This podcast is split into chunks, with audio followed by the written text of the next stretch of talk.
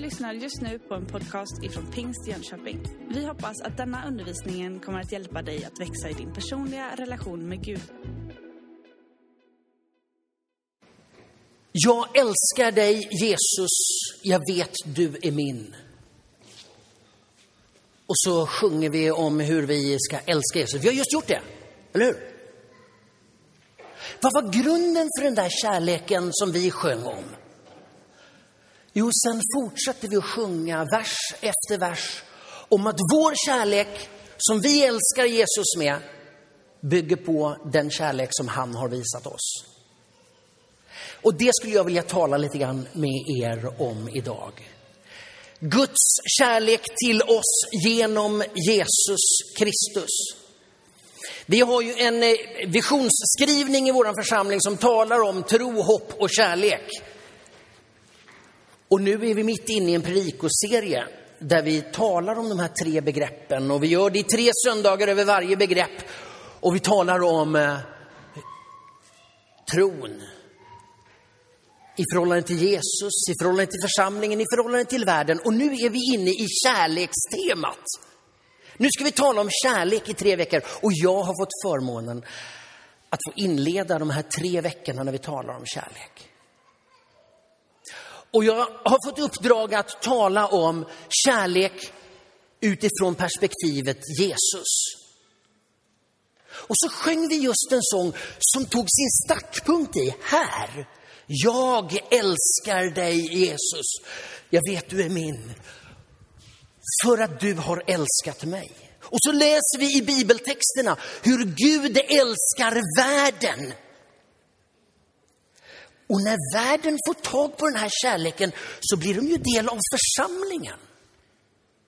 Som älskar Jesus för att han har älskat dem när han har älskat världen. Nu börjar jag bli lite svettig. Det här hänger ihop mina vänner.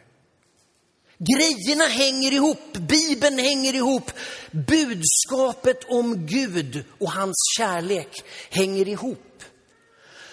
Och därför kommer vi aldrig att bli färdiga. Jag ska försöka avsluta den här predikan i någon typ av rimlig tidsmängd. Men vi blir aldrig färdiga med frågan. Utan den predikan behöver fortsätta sen hemma vid våra middagsbord. I vår personliga reflektion, i vår morgonbön i morgonbitti. När vi står och kämpar med det vi står och kämpar med på onsdag. Så fortsätter detta. Okej? Okay? När jag funderade över den här predikan så tänkte jag så här, jag vill läsa en bibeltext och jag landade i en bibeltext, eller rättare sagt jag landade i flera bibeltexter. Och så tog jag med mig dem till min cellgrupp och till mina cellgruppskompisar och så läste vi de här texterna tillsammans.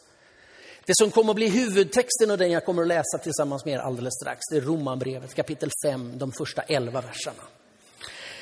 Och när vi läste dem där tillsammans så, så liksom växte ju en bild fram. En del var ju liksom lite svårt att förstå, vi brottades med det där.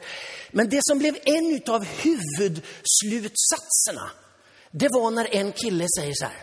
Det var, vi är en cellgrupp med både män och kvinnor, men vi brukar träffas liksom så här, lite könssegregerat. Så där. Vi gillar ju segregation. Nej, nej, det gör vi ju inte, Micke. Det gör vi ju inte. Men vi har ordnat det på det sättet. Och då säger den här killen så här. Det här är ju oerhört. Det här är ju så stort som man... Och det här lever jag med varje dag. Jag börjar bli hemmablind. Det är ju så konstigt att jag inte varje dag lever med en sprudlande wow-känsla inför evangeliet, inför Guds kärlek. Och jag hoppas när vi läser bibeltexter idag så hoppas jag att vi ska kunna skrapa lite grann på den här hemmavant-känslan så att vi får fram klarheten i Guds kärlek så att vi lite mer kan leva med en ständig och pågående wow-känsla inför Guds kärlek. Det är min förhoppning. Vi läser Romarbrevet, det femte kapitlet och de första elva verserna tillsammans. Har du din bibel med dig, slå upp den.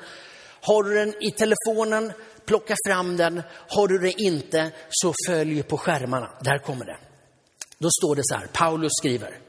Då vi nu har gjorts rättfärdiga genom tron har vi frid med Gud genom vår Herre Jesus Kristus. Han har gett oss tillträde till den nåd som vi nu lever i. Och vi är stolta över hoppet att få del av Guds härlighet. Mer än så, vi är stolta över våra lidanden eftersom vi vet att lidandet skapar uthållighet, uthålligheten fasthet och fastheten hopp. Och hoppet sviker oss inte. Ty Guds kärlek har ingjutits i våra hjärtan genom att han har gett oss den heliga anden.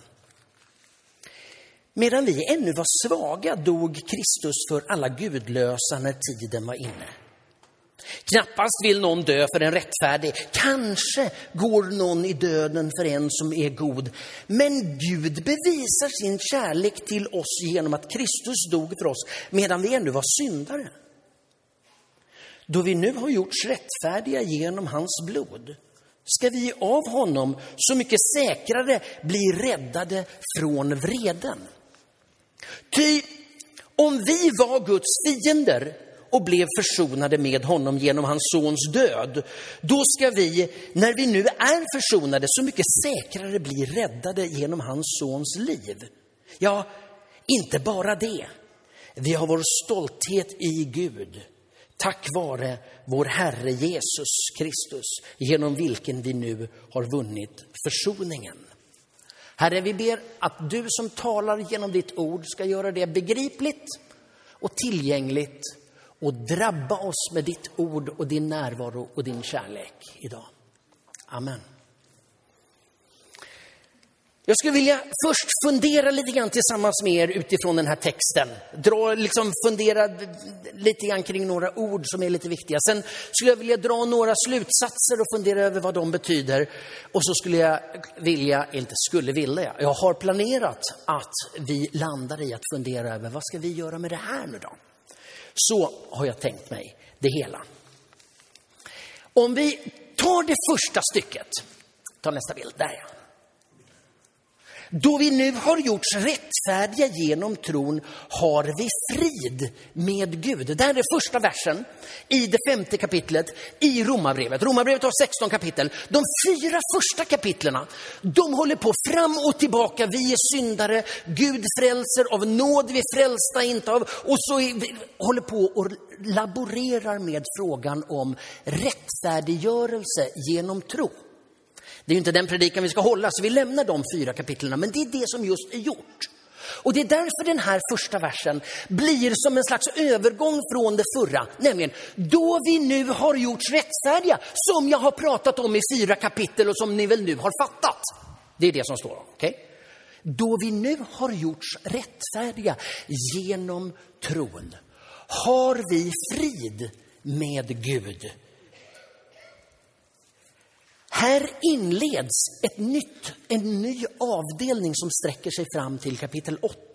Och ni som är bevandrade i er bibel, ni vet ju vad som händer i de kapitlerna. Hur han laborerar med vad frälsningen gör med oss, hur vi brottas med synden mitt i det här livet, men hur Gud befriar oss till liv och till frihet från synd, in i en ny andlig verklighet som landar i slutet av kapitel 8, de sista verserna att ingenting kan skilja oss från Guds kärlek i Jesus Kristus.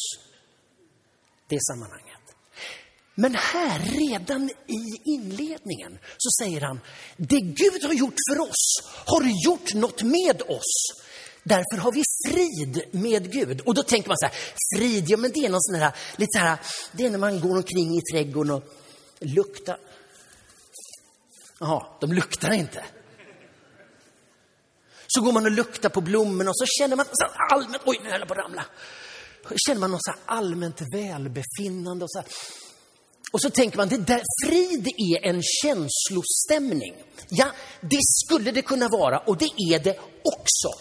Men när Bibeln talar om frid så, så är det ett mycket vidare begrepp. Då vi nu har gjorts rättfärdiga så har vi upprättade relationer och lever i harmoni med hela tillvaron. Det är ju lite större än det vi normalt lägger i begreppet frid, eller hur? När Gud har gjort det han har gjort med oss så har han upprättat det som hade blivit trasigt. Och där sker detta. Och det där, det eh, kommer då i vers 2. Kolla här nu. Han har gett oss tillträde till den nåd vi nu lever i och vi är stolta över hoppet att få del av Guds härlighet. Alltså några av er är ju lärare och några är ju specifikt lärare i svenska. Ni går ju igång så det bara ryker om det när det gäller liksom tempusformer och, och så här, eller hur? Och några tänker så här, tempusformer, vad är, vad, hur ser den ut? Låt oss, låt oss gräva här lite grann. Han har gett oss tillträde. Det är något som har skett, eller hur? Till den nåd vi nu lever i, det är något som pågår. Och vi är stolta över hoppet att få del av, det är något som kommer. Och det här är en grundläggande och viktig princip. Gud har inte visat sin kärlek en gång där. Jag sa ju att jag älskar er och behöver jag säga det igen så får, ska man hålla på och tjata om sådana. Så funkar ju inte Gud. Utan här i mötet med evangeliet, i mötet med Guds kärlek, så binds tiden samman. Det han har gjort, det har en nuvarande verkan som sträcker sig in i framtiden. Så om du sitter här och tänker så här, jo, det, var ju, det är lätt att prata, du som är så ung och fin. Du, jag ska tala om för dig att jag fyller 52 år i den kommande veckan. Så snacka inte med mig om att jag är ung. Och några här på första raden kallar mig för du gamle man. Och det gör de med rätta. Jag kommer till det alldeles strax. Nej, men det, finns, det är ju lätt att tänka så här, jo men det var väl lätt att vara liksom så här sprudlande när man var ung. Du vet ju inte nu liksom. Hur, hur lätt är det att älska när man har ont i knäna? Ja, men jag är med på det. Och det, jag sa inte jag, jag menar verkligen, jag sa inte det för att göra mig lustig över någon som eventuellt har ont i knäna. Utan jag sa det därför att jag inser att det är kanske lättare att känna om man liksom kan hoppa omkring och göra sig lite lustig. Men poängen med den här versen det är ju att ditt liv är förankrat i någonting som är större än den här lilla begränsade tidsramen som du har fått utmätt. Därför att han har gett oss tillträde till det vi lever i som kommer att få verkan in i framtiden. När jag satt och förberedde det här så slog det mig att jag är 52 år i veckan som kommer. Och då slog det mig, jag har normalt sett inte så hemskt mycket åldersnoja. Jag brukar inte leva med någon slags konstant dödsångest. Eh, men det slog mig. Är jag 52 år, då är det ju ytterst rimligt att jag har mer bakåt än framåt här på jorden. Eller hur? Oj, tänkte jag. Vad betyder det? och så började jag fundera över det och tänkte så här. Några av er har ju ännu mer bakåt än vad jag har. Några av er har ju nästan ingenting bakåt. Jonte, kan inte du ställa upp? Kolla på honom här. Han heter ju egentligen Jonathan. Nej, stå kvar. Han heter ju egentligen Jonathan. Men alla kallar honom för Jonte och det är bara, bara, bara en sån sak. Du kan vända på det de ser det. Bara, bara en sån sak visar ju sig. Nej, han är ju ung, den här killen. Kolla på honom. Man är så pass gammal så han väljer att sätta sig efter en stund. Jonte, du har ju mycket mindre bakåt än vad du har framåt. Om vi liksom tänker i normala fall då. Jag har ju mindre bakåt än framåt och några av er har jättemycket mera bakåt än vad ni rimligtvis har framåt. Och det är klart att det påverkar våra sätt att leva våra liv. Men i ljuset av evangeliet så är ju det underordnat. För det som vi är förankrade i, ja det ligger ju tusentals år tillbaka i tiden. Och det vi är på väg mot, ja det sträcker sig ju tusentals år framåt i tiden. Så ditt och mitt liv, Det är förankrat i någonting som är mycket, mycket större. Guds kärlek är mycket större. Och det här skulle vi kunna fortsätta med som ni förstår. Men då blir ju det en helt egen predikan och det var inte den vi skulle hålla. Vi tar nästa. För då kommer vi till vers 5. Eh, där det står, och hoppet sviker oss inte, ty Guds kärlek har ingjutits i våra hjärtan. Genom de här kapitlerna 5, 6, 7 och 8 så kommer frågan om Guds kärlek och hur stor den är, hur stark den är och hur fast den är. Kommer den att mejslas i några olika passager. Och Paulus gör ju ofta så. Att han säger något och så går han en runda och så säger han det igen och så landar han i slutet och så slår han fast det som är grunden i det han har tänkt. Och det är exakt det som händer här.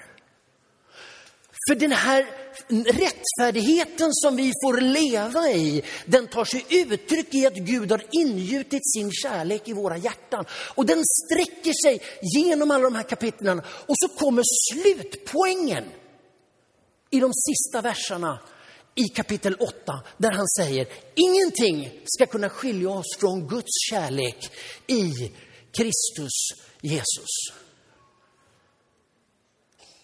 Eh, får jag göra en kort, kort, eh, kort parentes, kort utvikning?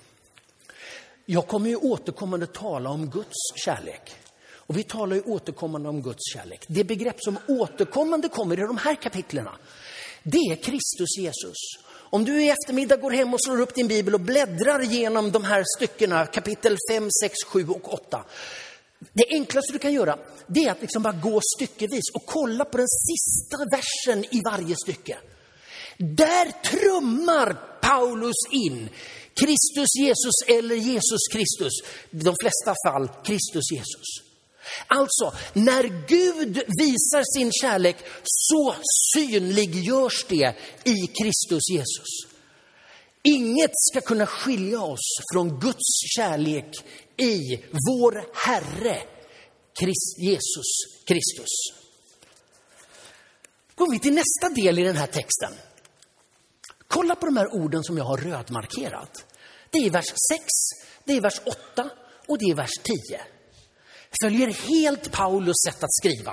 Han säger något och så vrider han ut det lite grann och så säger han något och så vrider han ut det lite grann. Och därför har jag tagit bort vers 7, för den, inte för att den är oviktig, men för att den liksom stör. Det här var faktiskt en rekommendation jag fick från mina cellgruppskillar. För de sa så här, det här blir väldigt rörigt, det är svårt att hänga med. Ja, det är ibland svårt att hänga med i Paulus sätt att skriva. Därför att han säger en sak och så viker han ut det, så därför tog jag helt enkelt bort vers 7.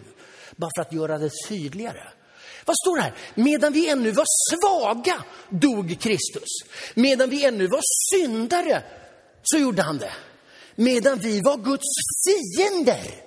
Vad tänker du kring de här tre rödmarkerade? Vad säger de dig? Vad säger det om vilka vi är? Det är ju uppenbart, tycker jag, att här är en inbyggd stegring. För att liksom visa, det här är ju inte bara vad som helst. Det var ju inte liksom för att vi hade råkat trampa snett i, i liksom promenaden. Det var ju för att vi var svaga som vi trampade snett. Ja, men var, vi var svaga därför att vi var syndare. Varför var vi syndare? För vi var Guds fiender. När Paulus stegrar bilden av vilka vi är, så stegras samtidigt bilden av hans kärlek. Och vi lämnar den. Sista nu textnära läsningen här då. Så landar det in i, vi har vår stolthet i Gud tack vare vår Herre Jesus Kristus. Stolthet är ju ett svårt ord. Alltså, om du tänker på någon som är stolt. Du är ju så här marknadskille, du liksom jobbar ju med, med budskap och sådär va. Är stolthet ett budskap som han säger här, vi är stolta, vi, vi är en församling som är stolt. Är det ett bra ord att liksom kommunicera? Det kan vara. Jag, Jag tänkte så här, det här är ett lite lurigt ord. För det är klart att jag är jättestolt över mina barn till exempel. Just nu tror jag faktiskt inte att det är någon av dem som befinner sig i lokalen så att stoltheten minskade kanske något just för tillfället. Men, eh, men eh, nej det där var jättedumt sagt. Jag för, eh, nej, men, nej men man kan ju vara stolt över någonting va. Men själva, om stoltheten står för sig själv, jag är stolt, så är inte det något som låter särskilt snyggt. Liksom. Utan då är det liksom lite uppblåst, typ så här. Men om stoltheten är förankrad i någon annan, ja då blir det ju lite annorlunda. På engelska så översätts det vanligtvis med boost. Alltså, vi blir boostade. Och det där är ju så här nysvenska som man knappt kan förstå. Men alltså, ja, men jag blir boostad av tanken på Guds kärlek. Folkbibeln skriver, vi gläder oss över. Är ni med? Så att det är ju att, att vara att ha upptäckt och blivit så förankrad i de här sanningarna så att vi är helt upptagna med det här är så bra. För att använda cellgruppskillarnas ord så skulle man kunna skriva så här. Vi lever i en konstant wow-känsla över detta stora som Gud har gjort med oss. Det är inte så dumt att ha ett gäng cellgruppskillar ibland faktiskt, ska jag säga. Nu ska vi dra några slutsatser kring det här. Ett. Guds kärlek är alltid startpunkten. Det var, ju inte, det var ju inte vi som kom på det här, utan det började ju med då vi nu har gjorts rättfärdiga, har vi frid med Gud. Det var ju för att Gud hade gjort någonting med oss. Gud är alltid startpunkten. Det är ju jättebra om vi sjunger en sång. Jag älskar dig Jesus, jag vet du är min. Och, och så vidare. Nu glömde jag bort texten här plötsligt. Det är bra om vi älskar. Men hela poängen i den sången är ju att startpunkten var hos honom. Eller hur? Startpunkten är hos Gud. Och därför så återkommer Bibeln till det här gång på gång. Detta är kärleken, inte att vi har älskat Gud, utan att han har älskat oss och sänt sin son som försoningsoffer för våra synder. Eller Johannes 3 och 16. Så älskade Gud världen att han gav den sin enda son för att var och en som tror på honom inte ska gå under utan ha evigt liv. Han sitter där och bara kommer igång med kärlek. Och det blir startpunkten till det övriga som sker. Gud är startpunkten. Vi älskar därför att han först har älskat oss. Så när du och jag säger till varandra så här, nej vi måste älska Gud mer, då tänker jag så här, det första vi behöver göra, det är att återkommande, återkommande och återkommande blicka upp mot korset, blicka in i hans ögon, läsa Guds ord så att vem han är blir tydligare för oss. Om du och jag ska liksom spänna oss till att ah, man måste nog älska Gud lite mer, då kommer vi att kvävas i våra ansträngningar.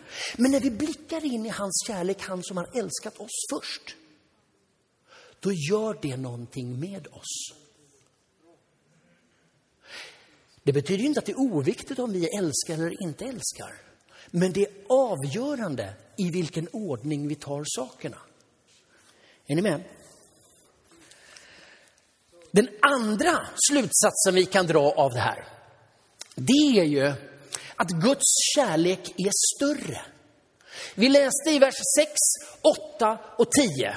Vi var svaga, vi var syndare, vi var fiender och Guds kärlek hanterade det första, hanterade det andra och översvallade och besegrade det tredje. Guds kärlek är alltid större. Kan ni den här gamla goa sången? Den går så här. Så stor är Jesu kärlek jag finner inga ord. Så obeskrivlig den nåd han visar mot oss. Och det är sant. Han älskar mig. En gång till. Så stor är Jesu kärlek. Man finner inga ord. Så obeskrivlig den nåd han visar mot oss. Vad är sant? Han älskar mig. Här finns ju massa verser, men vi tar kören och så sjunger ni med. Den kan ni. Så stor är Jesu kärlek. Man finner inga ord. Så han visar mot oss. Vad är sant? Han älskar mig. Och det är sant. Han älskar mig. En applåd till Jakob! Tack.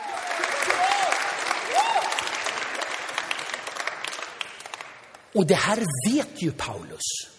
Så därför lite, fram, lite längre fram från där han har sagt svag, syndare, fiende, så säger han i vers 20. Där synden blev större, där överflödade nåden ännu mer. Du vet att det finns ingenting som du någonsin kommer kunna göra som kommer i närheten av den storlek och massivitet som hans kärlek har. Ja, men du vet inte vad jag har gjort. Nej, och jag vill inte veta heller. Han vet och han har redan besegrat det. Alltså, så stor är Jesu kärlek. Man finner inga ord. Så obeskrivlig är den nåd han visar mot oss. Ja, det är sant. Och så nystar vi lite grann och så förstår jag en liten bit där. Och så kommer du med ditt perspektiv och så säger, ja men du, så här var det för mig. Och så kommer någon annan och så säger, och därför skriver Paulus på ett annat ställe. Så här står det. Så att ni tillsammans med alla de heliga förstår fatta bredden och höjden och längden och djupet. Och lär känna Kristi kärlek som är större än all, väldigare än all kunskap. Och så klämmer han till bara för säkerhets skull. Tills hela Guds fullhet uppfyller er. Bara för att trycka till ordentligt. Liksom. Ja, men du vet att det är inte konstigt att man går vilse och tror att kärleken är liten. Om jag sitter på mitt hörn i min kammare och isolerar mig och tänker så här, Guds kärlek är nog så stor som jag begriper. Och det är ju inte så mycket, alltså är nog Guds kärlek inte så stor för jag. Och ju längre du sitter där i ditt hörn, desto mindre kommer Jesu kärlek att bli. Därför att du är så grymt begränsad. Och jag, och vi. Och därför så säger Paulus, tillsammans med alla de heliga, och vi skulle kunna lägga till tillsammans med de heliga i alla tider. Du vet, så stor är Jesu kärlek. Och därför är det ju inte konstigt att när söndagsskollärarna i vår församling frågar barnen i vår församling, frågar nio och tioåringar, vad tänker du om kärlek? Alltså får man ett antal olika svar och det är så härligt och det är pirrigt och mm. Vad tänker du om Guds kärlek? Då säger en tioåring, Jesu kärlek är större än alla andra kärlekar. Du vet att det där är ju Paulusklass på den tioåringen. I vår församling! Guds kärlek är större än alla kärlekar. Och Guds kärlek ger trygghet. Och här kan vi bara lista ställen som vi liksom redan har varit inne på om vi håller oss till, till liksom det här sammanhanget. När vi får upp ögonen för Guds kärlek och inser den har ingjutits i våra hjärtan. Den bygger på att Gud bevisar sin kärlek medan vi ännu var syndare. Ja, men det har vi ju redan läst. Vi behöver in här. Och vi har frid med Gud tack vare vad han har gjort när han har försonat oss. Och frid med Gud är inte bara så här, åh, jag känner frid. Utan vi har ju redan kommit överens om, här handlar det om den här djupgående, totalt existentiella omfattningen utav livet i harmoni. Som skapar liksom, det sätter alla de olika grejerna på plats. Och så sträcker sig det fram till det sista. Där Paulus säger, ty jag är viss om att varken död eller liv, varken makter i höjden eller makter i djupet. Och så listar han allt han kan komma på. Va? Alla, alla motståndare och fiender, alla välgångsönskningar och, och julkort, alla födelsedagspresenter eller, eller restskatt. Ingenting! Ingenting! Allt han kan komma på listar han. Ty jag är viss om att inget av det där kan skilja oss från Guds kärlek i Jesus Kristus, vår Herre. Det ger oss trygghet, det finns en stabilitet. Du behöver inte sitta och fundera på, åh, känner jag det här nu? Det är klart att vi ska sträva efter att känna det vi lever. Men Paulus har sagt, när han nu har rätt, gjort oss rättfärdiga så får vi leva i det här livet. Okej? Okay? Sista grejen. Och det handlar ju om det här med stoltheten, tillhörigheten, hoppet. Det du och jag har fått, det gör att vi kan sträcka oss framåt. Från evighet till evighet. Och det här är ytterligare en annan predikan. Petrusbrevet talar om det här som ett levande hopp. Alltså någonting som ligger där framme, men som evangeliet redan har gjort närvarande. Kommer ni ihåg bilderna? Pil, utropstecken, här lever jag. Vi är förankrade i historien, vi sträcker oss framåt. Och i det här levande hoppet så är vi förankrade i vem Gud är och vad han gör. Och det är ju här jag drabbas av kommentaren från min cellgrupp. Ja, men när man läser den här texten så är det ju bara konstigt att man inte helt och hållet är upptagen av wow! Vad är det här för någonting? Det är oerhört! Men man blir ju hemmablind. Ja, jag ska gå till kyrkan på söndag. Ja, på måndag ska jag städa. Jag ska putsa lampkronor på måndag. Och sen ska jag väl kanske ha en morgonandakt och sen så blir det så vanligt så att vi glömmer bort. Det här är ju oerhört. Gud, himmelens och jordens skapare, han älskar mig. Här och nu. Varje stund. Så vad ska vi då göra med det? Ja, jag tänker. Vi behöver, nu kommer bilden nästan. Vi behöver ta emot den. Vi behöver träna oss att se storheten och kraften i den. Vi behöver drabbas av wow-känslan inför Guds kärlek. Och vi behöver skapa en ordning där vi kontinuerligt förnyar vår kärlek till hans kärlek som alltid är beständig. Du har just lyssnat på en podcast ifrån Pingst Jönköping. För att få reda på mer om vilka vi är och vad som händer i vår kyrka så kan du gå in på pingstjonkoping.se eller följa oss på sociala medier via pingstikpg.